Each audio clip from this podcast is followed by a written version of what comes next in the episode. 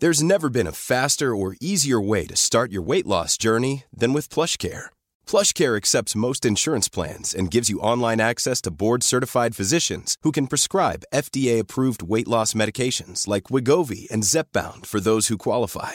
Take charge of your health and speak with a board-certified physician about a weight loss plan that's right for you. Get started today at plushcare.com slash weight loss. That's plushcare.com slash weight loss. plushcare.com slash weight loss. Jewelry isn't a gift you give just once. It's a way to remind your loved one of a beautiful moment every time they see it. Blue Nile can help you find the gift that says how you feel and says it beautifully with expert guidance and a wide assortment of jewelry of the highest quality at the best price. Go to BlueNile.com and experience the convenience of shopping Blue Nile, the original online jeweler since 1999. That's BlueNile.com to find the perfect jewelry gift for any occasion. BlueNile.com. Since 2013, Bombas has donated over 100 million socks, underwear, and t shirts to those facing homelessness. If we counted those on air, this ad would last over 1,157 days. But if we counted the time it takes to make a donation possible, it would take just a few clicks. Because every time you make a purchase, Bombas donates an item to someone who needs it. Go to bombas.com slash ACAST and use code ACAST for 20% off your first purchase. That's bombas.com slash ACAST, code ACAST.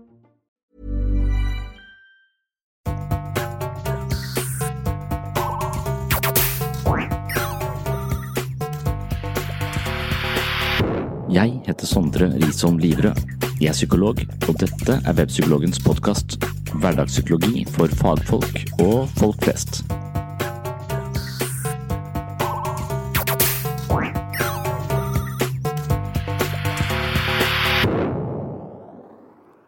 Hei og velkommen til en ny episode av Sinnssyn. Man må våge å miste fotfestet for ikke å miste seg selv. Det er et sitat jeg har gjentatt hundrevis av ganger, og det stammer fra Søren Kierkegaard. Endringsprosesser kan være vanskelige, og som innledning til dagens episode skal jeg raskt liste opp åtte need to know-punkter i forhold til personlig vekst og selvutvikling.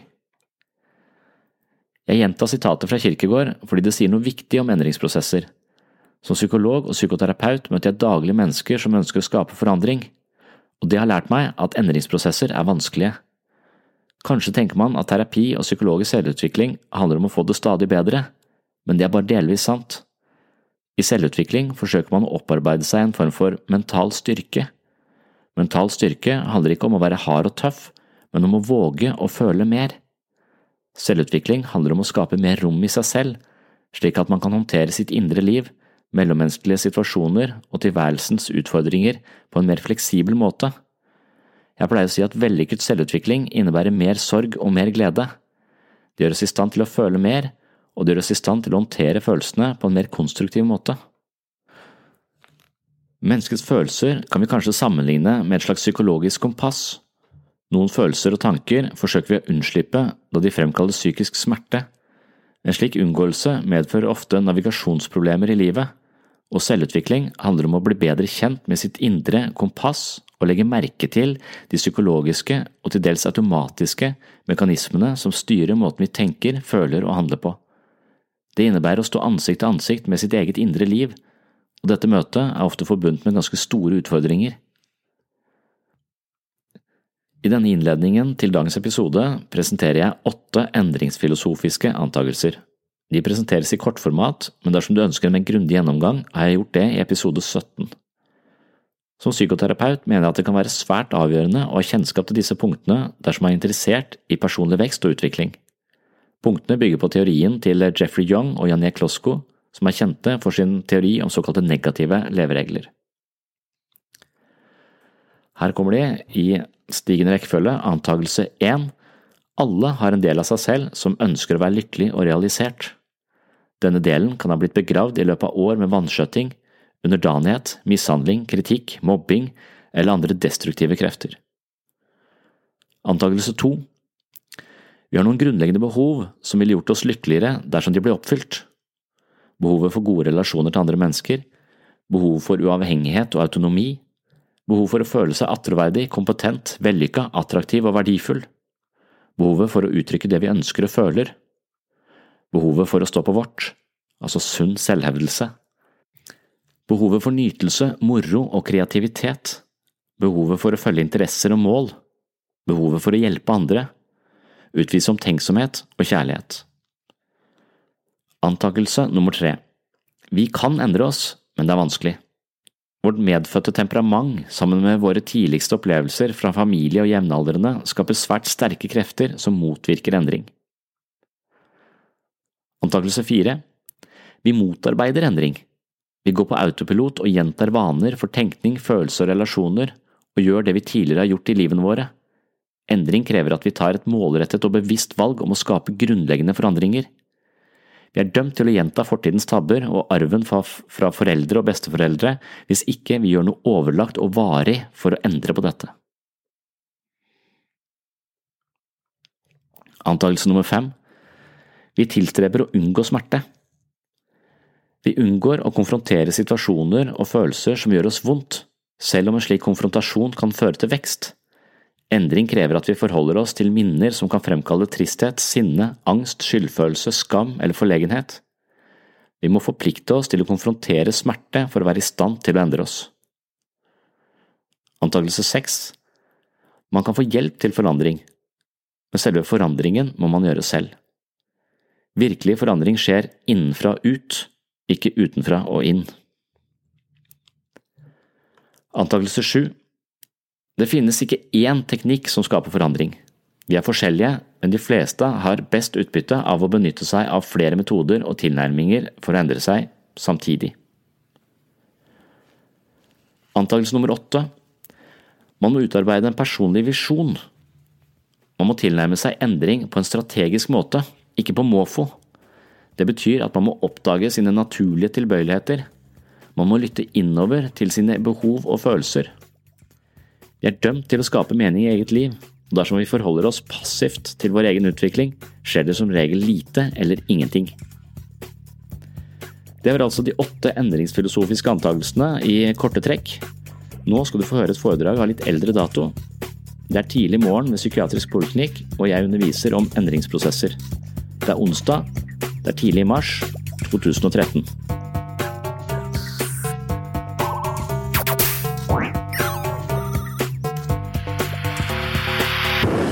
Men Jeg skal si noe om eh, Noe om eh, Young og Klosko sine endringsfilosofi. Noen antagelser om endring. Litt om hvorfor det kan være vanskelig å endre seg. Eh, og og litt om hvilke muligheter vi har for, eh, for endring.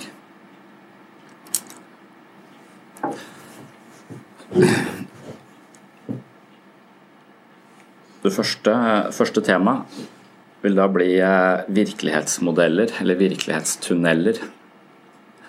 Ehm, jeg hadde eh, en samtale med datteren min på tre og et halvt år for noen uker siden som gjorde et sterkt inntrykk på meg. Jeg tror jeg satt og, eh, og tenkte, eh, og det så hun, så hun spurte eh, Hva tenker du på, pappa? sa hun. Og så sa jeg eh, ja, nå tenker jeg faktisk på deg. Eh, å ja, sa han, Og så begynte hun å tenke. Og så sa hun etterpå ja, er jeg inni ditt hode, da?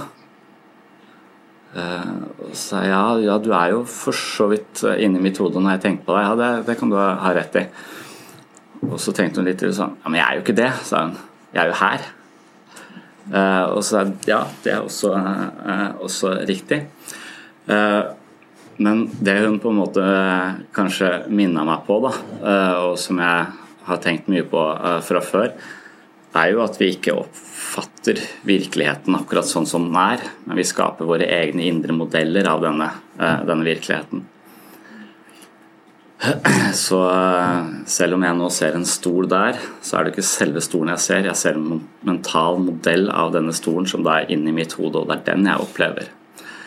Eh, og denne mentale modellen eh, er farget av min måte å fortolke informasjon på. Den er farget av mine følelser, min sinnsstemning i dag. Den er farget av mine erfaringer og min på en måte psykologiske programvare og mine min måte å se verden på, mine perspektiver. Eh, så sannsynligheten for at vi ser den stolen helt likt, er ganske liten. Hvis vi opplever ting på forskjellige måter. Og øverst til venstre i bildet, bildet bak meg så er det Immanuel Kant i noen av hans kritikker. Jeg kan ikke si jeg har lest og forstått, uh, forstått de, men har forstått litt av det han sier. Og Kant assosieres av og til med noe som kalles den kopernikanske vendingen i, i filosofi. Uh, og der snakket han om noe av dette. Han, han snakket om at uh, vi kan ikke, eller Verden er ikke sånn som den viser seg for vår bevissthet. Vi kan ikke forvente at, at vi ser verden i en én-til-én i et én-til-én-forhold. Eh, vi er selv med på å skape våre egne verdensbilder, eh, eh, sier Kant. Og Det betyr at istedenfor å være interessert i hvordan verden er der ute og ser ut, så ble vi interessert i hva er denne linsa, hva er denne bevisstheten vi bruker for å fortolke verden med. Så da begynte man å kikke innover. Og Det kalles ofte den kopernikanske vending. Kopernikus og sola og alt det. Så og I forhold til psykologi da, så er dette ganske, ganske sentralt. Eh, psykologi handler jo om å undersøke eh, våre mentale modeller av virkeligheten. Og hvordan funker disse mentale modellene for oss? Eh, tar de oss dit vi vil i, i livet? Eh, er vår måte å oppfatte virkeligheten på uh, hensiktsmessig for oss? Gir den oss livskvalitet? Gjør den at, den når, gjør den at vi når målene våre? Og så videre. Eller har vi måter å oppfatte verden på som er forkrøpla av uh, negativitet og selvkritikk uh, og andre elementer som forstyrrer den måten vi ser oss selv og verden på. Og det er interessant. Eh, og det er viktig å, å se på. Det er på en måte psykologiens vesen, er jo da akkurat som, som Kant påpeker, å se innover. Hva er det med måten vi opplever eh, verden på? På bildet der så ser du eh, jeg, jeg, tror jeg har tatt de bildene fra forskjellige artikler vi har skrevet på Webpsykologen, og den nederste venstre eh, det, det, bildet er jo av en eh, forholdsvis pen dame som ser seg i speilet og får et forholdsvis stygt speilbilde. og det er ikke Eh, det ser for meg ut som det ikke er helt samsvar eh, mellom det som er i speilet og det sånn hun dama ser ut. Og Det husker jeg skrev i forbindelse med at jeg hadde en, en pasient som hadde dysmorfofobi. En litt Jeg vet ikke om jeg sier det riktig engang, fryktelig vanskelig, vanskelig ord. Men, men, greia var at hun var utrolig pen, men syntes at hun var utrolig stygg. Og og det uh, kom til å på en måte minne meg på, eller jeg vet ikke om jeg leste i den forbindelse da om, Bertrand Russell, som er en annen sånn filosof, som har et sånt argument som sier du har to hoder. Uh, du har det hodet som er her ute, og så har du det hodet eh, som du ser i speilet, og som da blir en mental modell av ditt eget hode inni ditt eget hode. Det er komplisert. Men i forhold til dysmorfofobi da, så var det helt tydelig at hennes mentale modell av sitt eget utseende var himmelropende forskjellig fra hvordan jeg så hennes, uh, hennes utseende. Uh, hun, hadde, hun, var utrolig vakker og syntes at hun var utrolig stygg. Og det var ikke bare noe sånt hun sa. Hun reelt opplevde at hun var mye styggere enn en alle andre mennesker. Det var hun helt Helt klart ikke. Hun, hun syntes hun var så stygg at hun filte bort huden sin i ansiktet eh, innimellom fordi hun syntes det var eh, Ja. Hun begynte å forandre eh, ansiktet sitt. Det ble ikke noe Det ble ikke noe bedre. Men, men, det var ganske fortvilende å se hvordan hennes modell av, eh, av seg selv inni hennes hode er så forskjellig eh, fra min. Og terapi må jo være å minne henne på det Bertrand Russell eh, da sier, eller i hvert fall som et utgangspunkt, at eh, vi har to hoder. Du har ett hode der inne, og du har ett hode her ute. Og din modell av ditt eget hode er det noe galt med. Den er forkrøpla et eller annet. Eh, du har en måte å fortolke deg selv på som ikke er heldig, og som gir deg et, et inntrykk at du er stygg, mens verden generelt vil oppleve det motsatte. Så terapi vil være da hele tiden undersøke sine modeller av, det, av, av verden og undersøke sin egen opplevelse av, av verden og, og, finne ut om, om det er mulig å forandre det. Finne ut om modellene er hensiktsmessige for oss, eller om vi bør, uh, bør, se på eventuelle tankefeller og feil som gjør at vi oppfatter ting uh, på en uhensiktsmessig måte. Så der, uh, Neste bilde er vårt mentale operativsystem. vi har en hjerne, og den hjernen har uhorvelig mange symnatiske forbindelser. Og den eh, suger til seg informasjon, og den lagrer erfaring. Så det er en slags mental biologi som suger til seg erfaringene våre. Eh, og eh, og det er disse erfaringene som på en måte utgjør programvaren som vi eh, orienterer oss etter i eh, verden.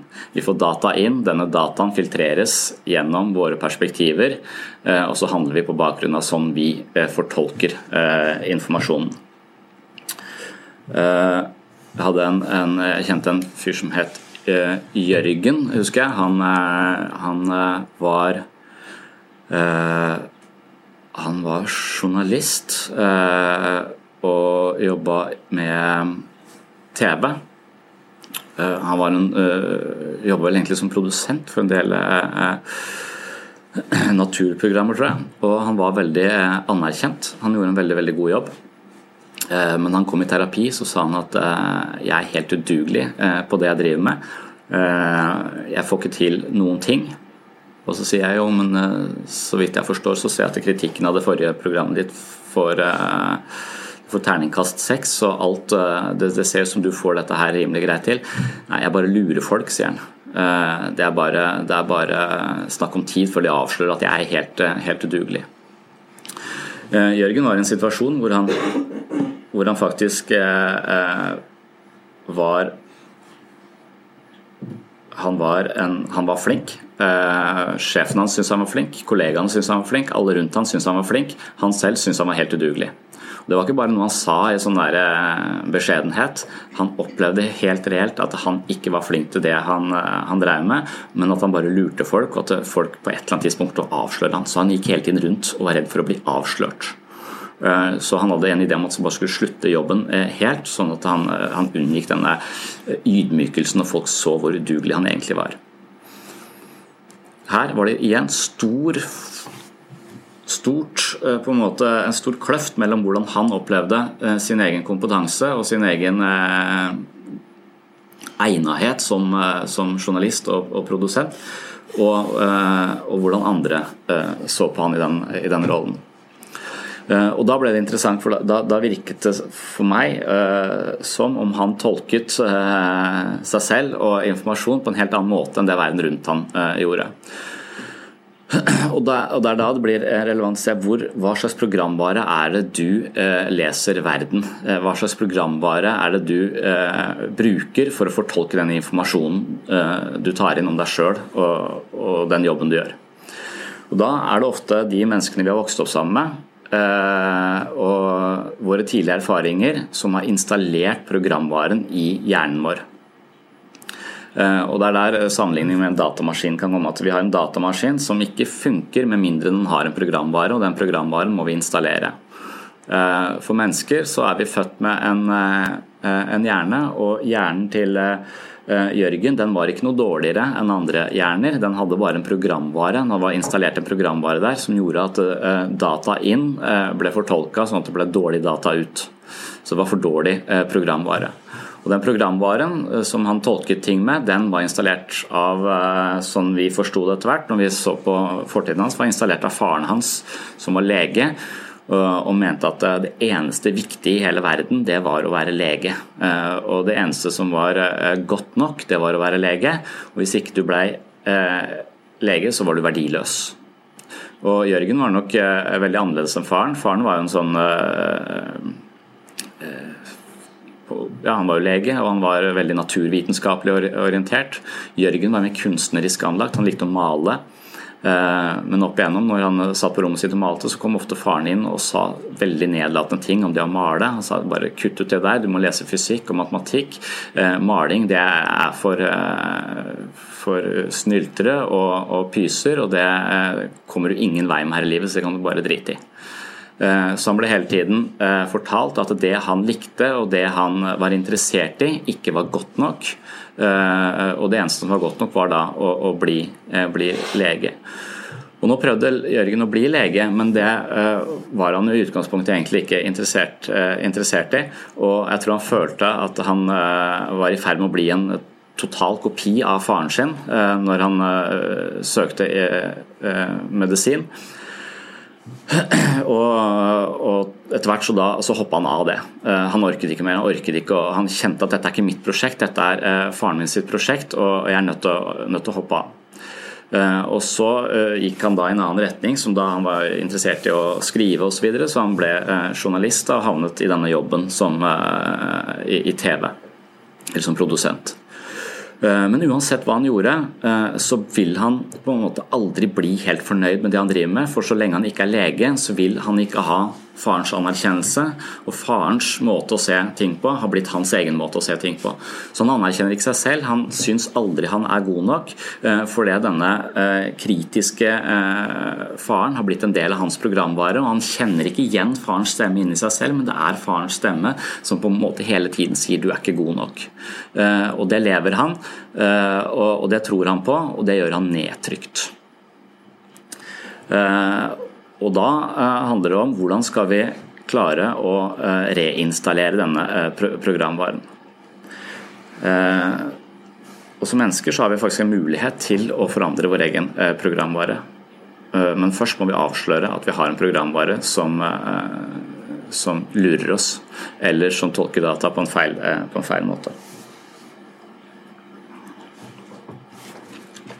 Hvem installerer programvaren, står det der. Det har vi alle snakket om. Eh, I Jørgens tilfelle så var det faren som eh, var en eh, vesentlig del av hans psykiske programvare.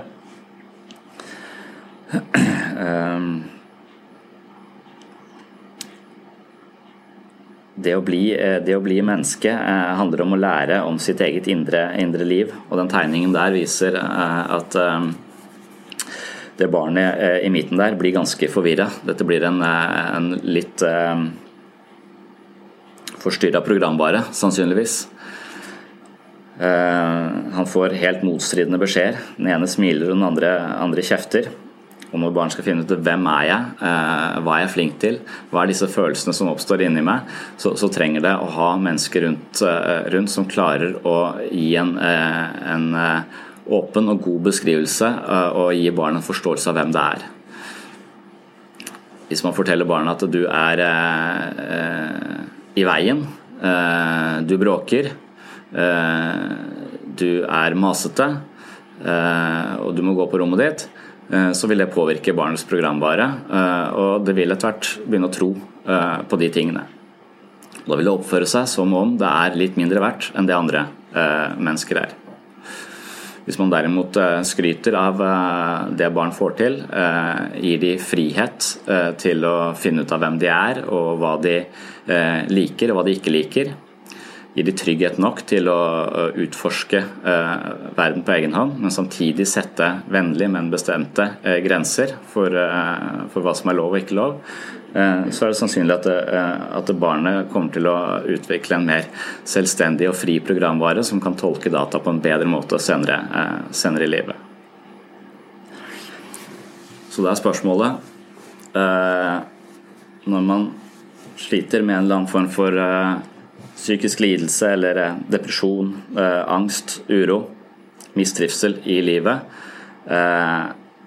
fungerer operativsystemet godt nok, eller programvaren godt nok. Og der står en fyr med tunnelsyn. What do you mean tunnel vision? Det kan jo for så vidt være et bilde på, på, Jørgen. Han ser verden og seg selv på en helt bestemt måte, som om han er udugelig, mens faktum er at han ikke er det. Så står det også runtime error der nede. dårlig programvare gir dårlig tolkning av data. Den har vi så sett før. Og da begynner man å nærme seg hvordan, hvordan skal vi eh, installere ny programvare i vårt eget hue. Eh, og en ganske vanskelig setning eh, som, eh, som, jeg syns kanskje er en av de viktigste setningene i forhold til selvutvikling. Eh, nå har jeg for en som heter Ken Wilberg, eh, som har stjålet den fra en annen. men han sier at subjektet på ett nivå blir objekt for et nytt subjekt på et høyere nivå. Eh, så subjektet på ett nivå blir objekt for et nytt subjekt på et høyere nivå. Eh, og akkurat de eh, Det betyr at man ser verden fra sitt ståsted. Man er fanget i sin virkelighetstunnel Jørgen tenker reelt sett at jeg er dårligere enn andre, og han lever etter den modellen eh, av seg selv. Hvis han skal forandre seg, så er han nødt til å, å oppdage eh, akkurat det som, som, datteren min sa, at jeg er jo ikke inne i hodet ditt, jeg er jo her ute. Selv om du tenker på, på meg, så er ikke jeg inne i ditt hode.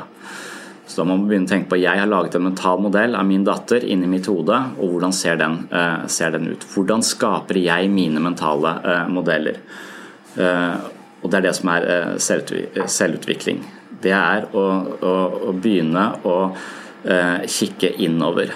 Se på den bevisstheten som er med på å forfatte vår opplevelse av, av verden. Hvordan forfatter vi vår egen tilværelse? Eh, hvordan skaper vi vårt eget, eh, vårt eget liv?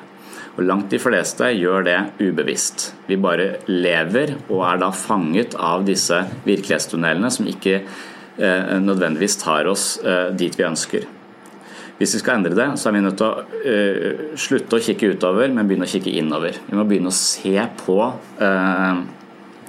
våre egne tankemønster, våre egne følelser.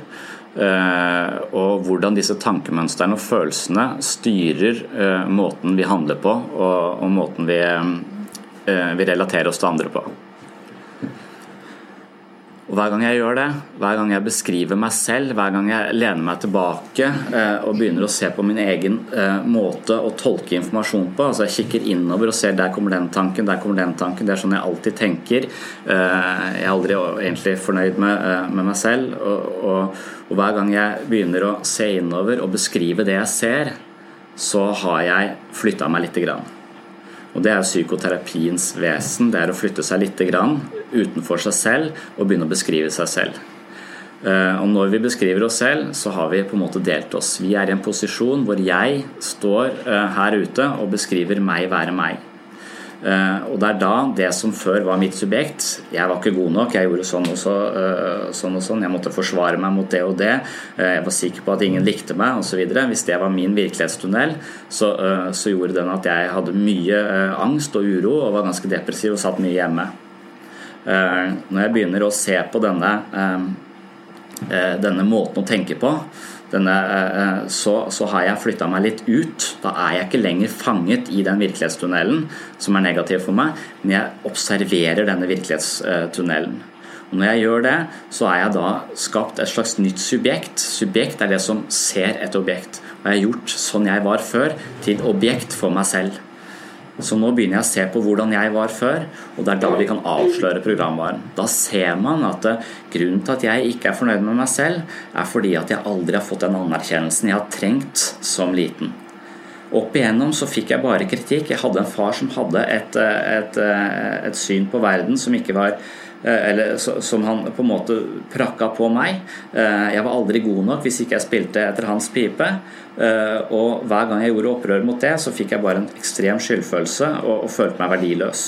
Og etter hvert så har det blitt mitt, eh, mitt selvbilde. Mitt selvbilde er farga av den kritikken jeg har opplevd eh, opp igjennom livet, og nå lever jeg som om jeg ikke er god nok. Når man ser det, så ser man at de tankene man lever etter, er korrupte. Eh, de er ikke sanne, de forteller ikke sannheten om virkeligheten. Eh, de er farget av erfaringene våre og de menneskene som har stått rundt oss. Jeg snakker i jeg-person, så jeg har hatt en veldig fin far, jeg, også, og mor også, så, det, så, så dette gjelder ikke, gjelder ikke nødvendigvis meg, men, men vi har alle ideer om oss selv som, som sannsynligvis hindrer oss i å være realiserte, kanskje, eller være Eller nå vårt egentlige potensial. Så nesten alle mennesker har jo godt av å kikke innover og se på sine egne virkelighetstunneler. Det betyr da at vi flytter oss fra en liten S, jeg er ikke god nok, til en litt større S som begynner å se på den lille S-en. Hvorfor tror den lille S-en at den ikke er god nok? Er den ikke god nok? Er den født dum? Er hjernen dårligere enn andre hjerner? Nei, denne hjernen er i utgangspunktet like bra. Datamaskinen er like sprek som andre datamaskiner. Det er bare det at denne programvaren som er eh, koda inn i, denne hjernen, eh, fungerer dårlig. Eh, for det vedkommende har vært veldig uheldig med de folka som har vært rundt den opp igjennom mobbing på skole. Det er masse ting som kan hindre, eh, eh, hindre oss i å få en programvare som, eh, som, funker godt nok. Og det er i en litt større S at vi kan eh, eh, begynne å omprogrammere oss selv. When you're ready to pop the question, the last thing you want to do is second guess the ring. At Bluenile.com, you can design a one of a kind ring with the ease and convenience of shopping online. Choose your diamond and setting. When you find the one, you'll get it delivered right to your door. Go to Bluenile.com and use promo code LISTEN to get $50 off your purchase of $500 or more. That's code LISTEN at Bluenile.com for $50 off your purchase. Bluenile.com code LISTEN. Life is full of what ifs, some awesome, like what if AI could fold your laundry? And some, well, less awesome, like what if you have unexpected medical costs?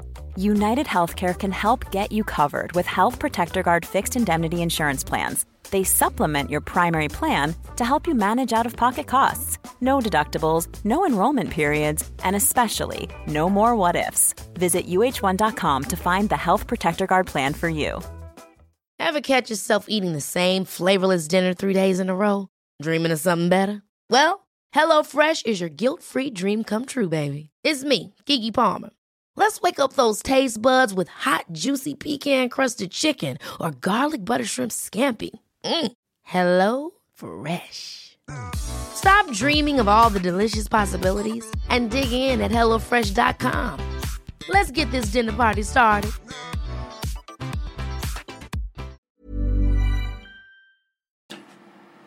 Da har vi oppdaget uh, at vi, er, uh, vi, lever i pakt med noen korrupte tankemønster. Uh, og det er på tide å, å, å, endre det. For nå har vi sett det, vi har definert problemet, og det vi ser, det kan vi endre. Så bevissthet er kurativt. Det å være bevisst sin egen indre verden og observere den, er, er kurativt. Uh, og Det var det Freud uh, snakket om, psykoanalysens far. Han snakket om å gjøre det ubevisste bevisst. Uh, men så har vi, man senere sett at det, det, er ikke alltid at denne innsikten hjelper. Av og til så kan vi forstå oss selv, vi kan forstå at vi ser verden på, på måter som ikke er spesielt konstruktive. men selv om vi har den innsikten, så klarer vi ikke å endre oss. Så i, i tillegg til innsikt så må man også gjøre noe helt konkret for å skape den forandringen i, i livet. Man må slutte å oppføre seg f.eks. som om man er mislykka. Jørgen må slutte å oppføre seg som om han mislykka. Han må hele tiden minne seg på når han tenker at åh, dette er jeg ikke god nok til, dette funker ikke, nå, vil, nå blir jeg avslørt, livet mitt er som et korthus, plutselig kollapser alt, alle og jeg blir, eh, blir avslørt. Eh, og, og, og, så trekker han seg, seg unna. Jørgen må huske på det hver gang han møter utfordringen som han ikke tør å ta eh, fordi han på forhånd tenker at jeg kommer til å mislykkes. Da er det bedre å ikke ta den utfordringen, eh, for så slipper jeg eh, nederlaget. På den måten så gjenskaper vi mislykkaheten, og vi lever mislykkaheten, og den blir en virkelighet for oss. Det må vi avsløre. Når vi avslører det, så har vi også muligheten til å endre det. Det kan være Vi kan prøve å huske på det, men vi kan også ha en lapp i lomma som sier at eh, når jeg får utfordringer, så har jeg en, refleks som sier eh, nei takk, eh, og jeg unngår å møte de situasjonene som kanskje kunne skapt vekst i livet mitt, fordi jeg er redd for å mislykkes. Og sånn bekreftes mislykkaheten. Når vi blir født, så er vi født i en liten S, og så vil biologien ta oss fra den ene S-en til den andre, og vi blir litt større hele tiden. Så fra 0 år til 23 så er vi litt på en sånn free ride. Eh, her er det en utviklingsprosess som skjer. Det kan skje mye drit på veien her sånn òg, men, men, relativt Biologien har eh, utviklingstrinn som den drar oss igjennom. Piaget er en, en psykolog som har snakket eh, mye om disse utviklingsfasene. Freud snakket også mye om utviklingsfaser eh, i menneskelivet. Eh, og, og, da går man fra forskjellige eh, forståelser, eller man går fra forskjellige eh, mentale nivåer og på nye mentale eh, nivåer. Og På hvert nytt nivå så kan man noe mer. Eh, og dette går av seg sjøl eh, fra man er 0 til 23. Det er barns utvikling. Eh, og hver gang barnet går fra et nivå til et nytt et, eh, så er det tilbøyelig til å få mer angst. For utvikling er forbundet med krise. Så selv om barnet da klarer å på en måte utvide perspektivene sine, så må du også forlate den måten det så verden på fra før. Og så er det på et nytt nivå med nye eh, muligheter, men jeg vet ikke helt hvordan jeg skal bruke disse enda. Og det er stress. Det er mye bedre å bare være, gjøre det man kan fra før, eh, enn å, eh, å, forandre seg. Så forandring fryder ikke eh, nødvendigvis. Forandring skaper ofte angst. Eh, og Det er en av de tingene som gjør at det er vanskelig eh, å, å endre seg. Men barn har ikke noe valg, de må bare. For de kommer av seg sjøl. Biologien bare kjører oss eh, gjennom det, og hjernen utvikler seg. Så når jeg da jobber i barne- og ungdomspsykiatri og får inn jenter på sånn 12-13 år, eller 10-13 år, som, hvor foreldrene er kjempebekymra. Dattera mi sier at hun ikke eksisterer. Dattera mi sier at verden ikke eksisterer. Dattera mi tror at hun kommer til å forsvinne og bli borte hvis hun slutter å tenke. Eh, og, det har de lest eh, at det er symptomer på psykose. Eh, så de tenker at nå er barnet mitt i ferd med å utvikle en alvorlig sinnslidelse i en alder av 13 år. Veldig mange av de, de problemstillingene der er ikke psykiatriske i det hele tatt, men naturlige kriser som oppstår i utvikling. Det kalles utviklingskriser. Og I 12-13-årsalderen så, så, kommer en sånn gryende metakognisjon inn. Eh, det vi egentlig snakker om her, det er evnen til å tenke på sin egen tankegang. Eh, evnen til å dele seg, evnen, evnen til å, å, å, se seg selv utenfra. Og Det skaper litt trøbbel med en gang du, du lærer deg å kunne se på din egen tankegang, så blir du litt delt. Det kan jo høres litt, eh, litt spalta ut i utgangspunktet. Det tror jeg det også oppleves som. Så disse jentene på 13 år de har de samme ideene som uh, Descartes har. Uh, jeg tenker, derfor er jeg. Så jeg slutter å tenke, så er jeg ikke mer. Uh, så, så, de får ideer som du finner igjen i, i filosofien. Så, så, jeg blir sånn imponert. Her sitter disse små menneskene og tenker akkurat det samme som, som alle de store filosofene gjør, men de er livredde for det. Det, det, det, det er kjempe, kjempeproblematisk. Det er viktig å se at, eh, at forandring eh, fører til eh, mer angst og uro i en periode, i en overgangsperiode. Eh, og da ikke diagnostisere disse barna med eh, psykose, eh, gryende psykosesymptomer, men som en naturlig del av en utviklingsprosess. Og sånn, sånn går det. Det er den ene krisa etter den andre. Eh, de som har vokst opp, eh, bør kjenne seg igjen i, sånne eh, kriser. Og så kommer man opp til rundt 23, 24-25, og så er det ikke mer gratis. Da har biologien gjort sitt. Da er hjernen satt. Og du har som regel da blitt på en måte dratt opp til eh, kulturens gravitasjonspunkt, på sett og vis. Du tenker litt likt som de folka rundt deg.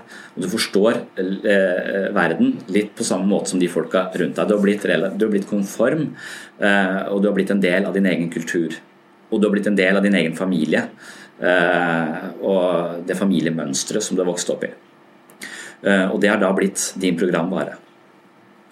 Da er du landet i en, i en S på et eller annet nivå. Og herfra og videre så står du litt eh, på egne, eh, på egne bein. Det er derfor forandring er litt vanskelig. Eh, forandring er forbundet med krise. Det å forlate en måte å se seg selv og verden på til fordel for en ny en, det er som å gjøre det slutt med kjæresten. Som du egentlig ikke har lyst til å gjøre det slutt med. Det er, det, er, det, er, det er, vondt og vanskelig å endre måten å se seg selv på og, og, verden. For det på et nytt nivå så må du, du må reorientere deg. Du står litt på bar bakke. Før så visste du hvem du var. Jeg var udugelig.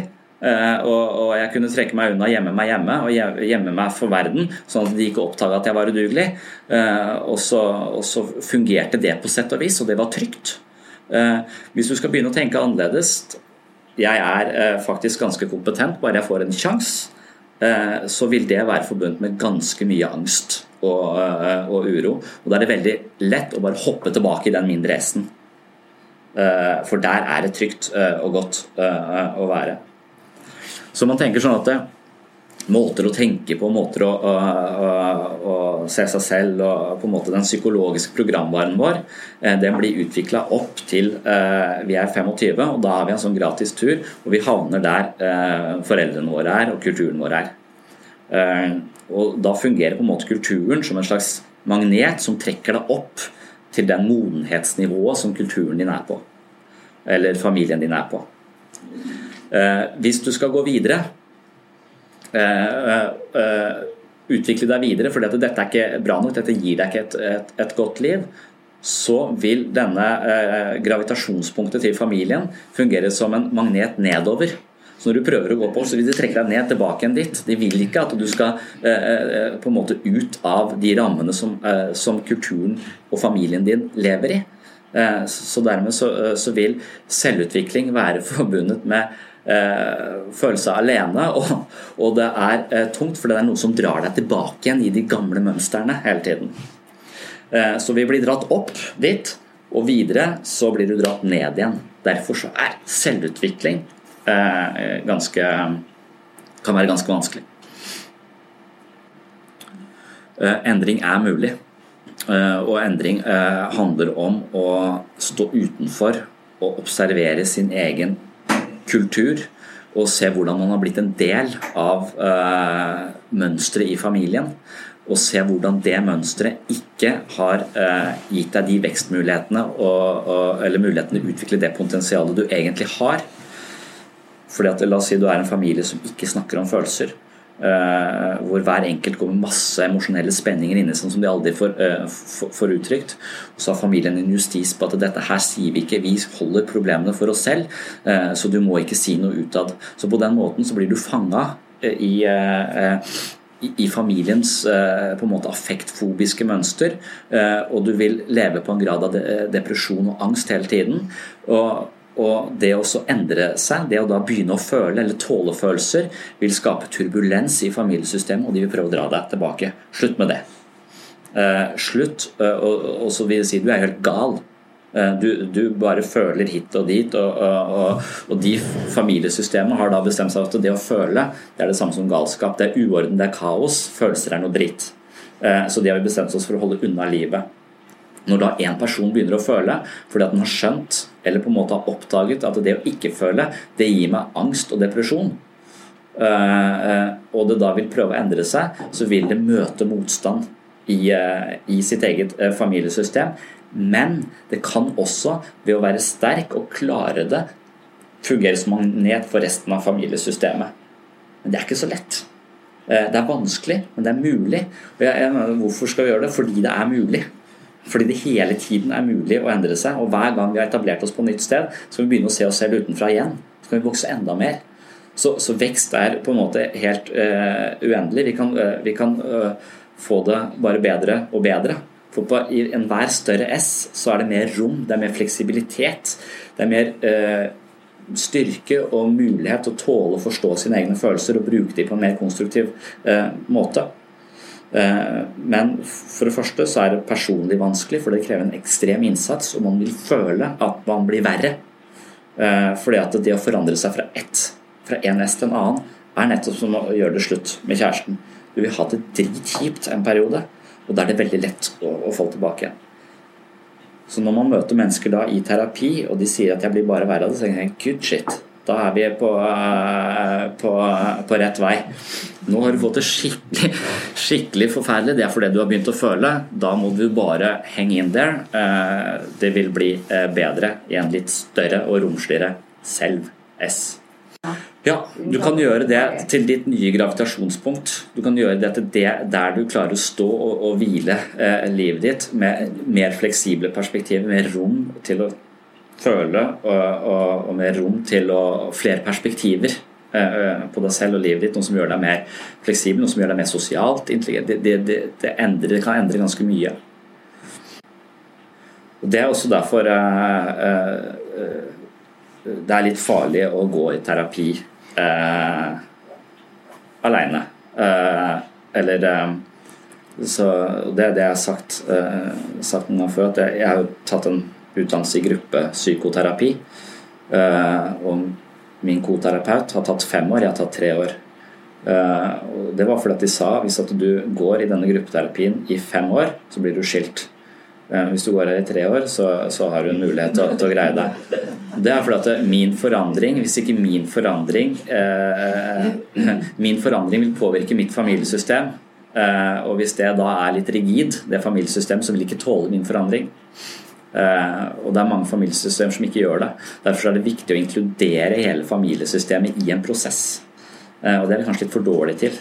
Eh, sånn som her, Det er de gode på, på familiepoliklinikken. Der er det hele systemet de jobber med. Vi jobber ofte med ett enkeltindivid i et større system. Og når det individet endrer seg, så skaper det også endringer i systemet. Og det er ikke sikkert systemet Systemet kan kanskje skjønne at dette er bra for oss, men på den annen side så er det angstproduserende. Og, og, jeg har ikke bedt om å komme på en ny S. Jeg har ikke bedt om å, uh, å, begynne å tenke på en annen måte. Og jeg orker ikke å gjøre det, for jeg er vant til å tenke på den måten. Og jeg, jeg syns at forandring skaper for mye uro i min hverdag, så shut up. Liksom.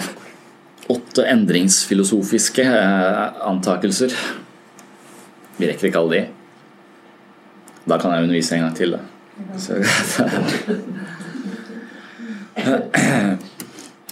Første antakelse. Alle har en del av seg selv som ønsker å være lykkelig og realisert. Dette er fra Young og Klosko, eh, to nederlandske teoretikere som snakker om negative leveregler. Eh, de tenker at alle mennesker ønsker å forandre seg eh, til det positive når de sliter i livet sitt. Eh, så det er utgangspunktet. Alle vil og ønsker en forandring, eh, men eh, den delen som ønsker forandring, kan ha blitt begravd av mobbing, kritikk og, og situasjoner hvor man har følt seg ydmyka og mindreverdig. Og på den måten så har man fått en slags psykologisk programvare som sier at 'jeg er ikke ok, jeg er ikke god nok' og andre er bedre enn meg. Eh, og da vil den delen som eh, ønsker forandring, være eh, pakket inn og begravd. Og det kan være ganske vanskelig å finne den, finne den fram igjen. For ideen kan være at jeg fortjener ikke å ha det bedre. Jeg fortjener å bli behandla dårlig.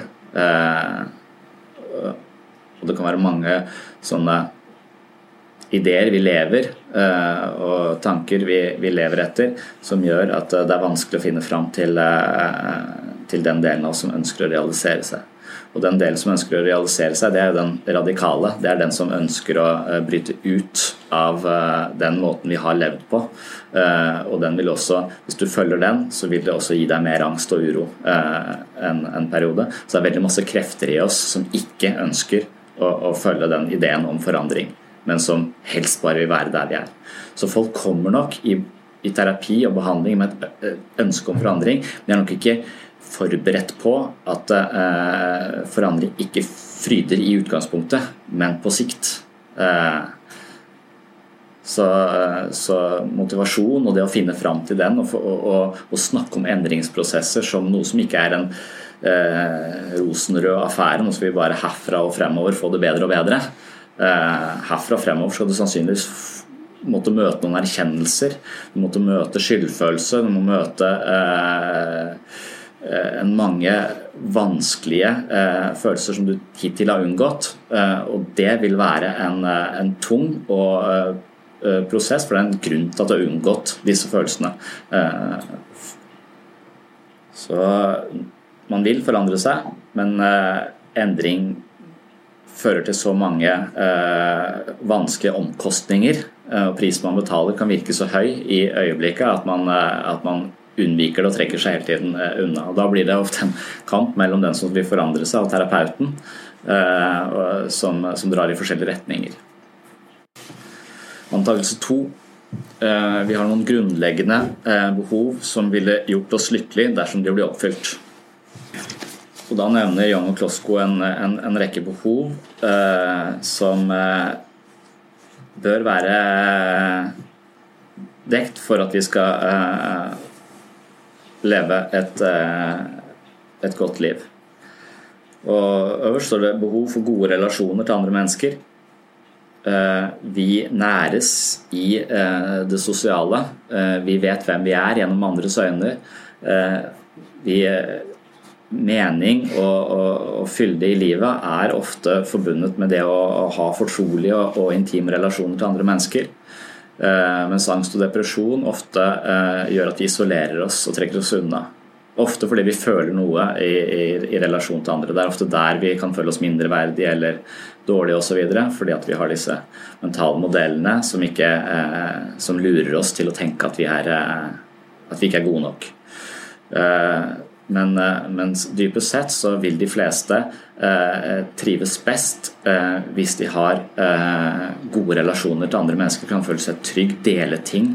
Det å, å, å, ha et sted hvor man kan snakke om følelser, få følelser ut eh, i en fortrolig relasjon, er kurativt. Hver gang vi ikke får snakket om følelser, så blir det til spenninger inni oss, og de kan bli til symptomer. Eh, så det, så det, sosiale og det relasjonelle er veldig viktig, et veldig viktig behov hos eh, mennesker. Vi er sosiale dyr. Behov for eh, uavhengighet og autonomi er viktig for oss. Det handler om selvfølelse. Hvis vi hele tiden har blitt kritisert eller hele tiden har fått en idé om at vi ikke er gode nok, så vil det gå utover selvfølelsen vår, og vi vil tenke at vi egentlig ikke mestrer livet noe som gjør oss, ofte gjør oss avhengig av andre mennesker. Vi henger oss på folk som vi tenker mestrer livet, og blir, gjør oss avhengig av andre. Det å være i en avhengig posisjon er en, det kan være trygt og godt, for denne andre personen sørger for at, at vi mestrer livet. Men samtidig så vil avhengighet være utrolig utilfredsstillende fordi vi ønsker å, mestre ting på, på, egen hånd. Ofte vil vi være forbanna på de som vi er avhengige av. Men det å være uavhengig, det å være selvstendig, autonom, det krever at vi har troa på oss selv. Det krever at programvåren vår sier at jeg er ok, jeg kan fikse livet mitt. Jeg kan være agent i eget liv, jeg kan skape det livet jeg vil ha. Og hvis vi har den typen programvare, så vil vi også klare å fungere selvstendig og autonomt. Mens nesten de aller fleste av oss har i hvert fall en del av programvaren vår som sier at 'dette får jeg ikke til, dette er ikke god nok til, her trenger jeg hjelp', og så, og så, og så videre. Det er behov for å føle seg kompetent, vellykka, attraktiv og verdifull. Martin Selingmann, som er en eh, sånn eksponent for eh, det som kalles positiv psykologi, han snakker en del om, eh, om erfaringen med datteren sin. Og han oppdaget i sånn pedagogisk øyemed at det å irettesette henne og fortelle hva hun gjorde feil, ikke funka så veldig bra. Men hver gang han skrøt av henne for alt det hun fikk til, så virket det som hun vokste. Og så viste det seg at de feilene hun på en måte gjorde, den måten hun eh, håndterte livet sitt på som ikke nødvendigvis var eh, like fornuftig, det endra hun eh, av seg sjøl. Så han er en eksponent for å rose og anerkjenne folk. Og så kan de få lov til å prøve å feile litt, og som regel så vil de finne ut at det som de gjør galt, det er noe de kommer til å endre på, på egen hånd. Så kjeft og kritikk eh, osv. det mener han eh, har lite pedagogisk eh, eh, verdi, da. Det handler ikke om at man ikke skal sette grenser og osv. For, for barn, men det handler om at barn tror på seg selv når de blir anerkjent og får ros. Så Det er som om foreldrene og menneskene rundt oss sin, sitt overskudd til å se oss og gi oss positive tilbakemeldinger gir oss den bensinen vi trenger, den motoren, for å, for å bli selvstendige, tro på oss selv og, og få en god selvtillit eh, og en god selvfølelse.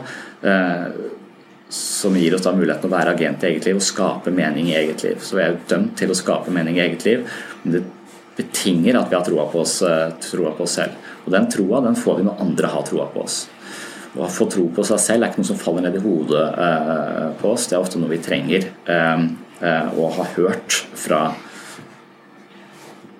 fra ung alder. Når vi ikke har hørt det, så er det at vi får denne programvaren som forteller oss at vi ikke er gode nok. Og Da er jobben å installere ny programvare. Og Da er vi nødt til å rose oss selv, da er vi nødt til å trene på å, akseptere oss selv og være fornøyd med oss selv. Eh, og, og, og, avsløre de stemmene som hele tiden påvirker oss og har kritisert oss. Behovet for å stå på vårt, nevner Janne Klosko. Eh, behovet for nytelse, moro og kreativitet, behov for å, følge, for å, følge interesser og mål. De tre behovene er sånn grunnleggende eh, psykologiske behov. Og så, sånn Filosofisk sett så har vi ofte tre sånne eh, eksponenter for hvert av disse synene. Eh, eh, og Det er sikkert flere, da, men, men behovet for å stå på vårt assosieres av og til med Nietzsche, som som tenkte at mennesket var drevet av eh, viljen til makt. Eh, og Hvis man oversetter det, så blir det sunn selvhevdelse. Uh, igjen dette å, å, å, ta sin plass og tenke at jeg fortjener plass, ta ansvar, uh, vise hvem man er, stå opp uh, for seg selv. Det handler ikke om å overkjøre andre eller krige med andre, men, å, men ikke å, å hatt nok tro på seg selv til at jeg våger å ta plass i, i livet. Eh, behov for nytelse, moro og kreativitet, eh, det er eh, Sigmund Freud. Han snakket om viljen til sex, kan man si. Han snakket veldig mye om, om sex. Men oversatt så snakket han om nytelse, moro, og kreativitet. Det å følge sine si, impulser. Så sex er ikke bare Når han snakker mye om sex, så det, handler det også om dette å være kreativ, eh, spontan eh, eh, osv. Behovet for å følge interesser og mål, det kan assosieres med, med Viktor Frankel og viljen til mening. Eh, han snakket om at eh, en av menneskets viktigste drivkrefter var viljen til å skape, eh, skape mening. Når vi mister viljen til å skape mening, så, så mister vi også motoren i livet.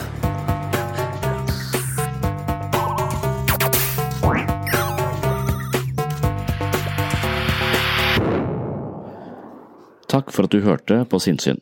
Jeg setter veldig stor pris på at så mange av dere har gitt Sinnsyn gode skussmål i iTunes. Det er veldig gøy å lese kommentarene, og det er veldig hyggelig at eh, nå over 100 mennesker har gitt eh, gode stjerner til, eh, til sinnssyn. Det hjelper dette prosjektet. Jeg ønsker å snakke om psykisk helse til så mange som mulig. Og hver gang dere liker det jeg gjør, så når jeg litt lenger, tror jeg. Jeg forstår ikke algoritmene til, til iTunes, men, men, jeg registrerer at flere tilbakemeldinger gjør at jeg kommer litt høyere opp på denne lista over podkaster. Så tusen takk for det. Veldig takknemlig for at dere gidder å, å, å putte på noen stjerner, og enda mer takknemlig hvis dere skriver noen korte linjer om hva dere syns er greit. Litt mer uh, uhyggelig hvis dere skriver alt som er ræva, og hvor mye jeg hummer. Uh, det prøver jeg å slutte med. Det er forferdelig vanskelig. Det har jeg tenkt på i flere, flere år nå, men det, det, virker som det er en slags uvane jeg ikke, ikke klarer å komme forbi, rett og slett. Så det må dere bare leve med. Ellers eh, nevner jeg som vanlig eh, bøkene. Hvis du liker dette med negative leveregler, så er det en slags gjennomgangstema i begge bøkene jeg har skrevet om både selvfølelse og selvbilde. Og som vanlig så får du kjøpt disse på webpsykologen.no. Her får du best pris, rask levering, eh, gratis frakt, bla, bla, bla. Og til sist håper du henger med i neste episode, og på gjenhør.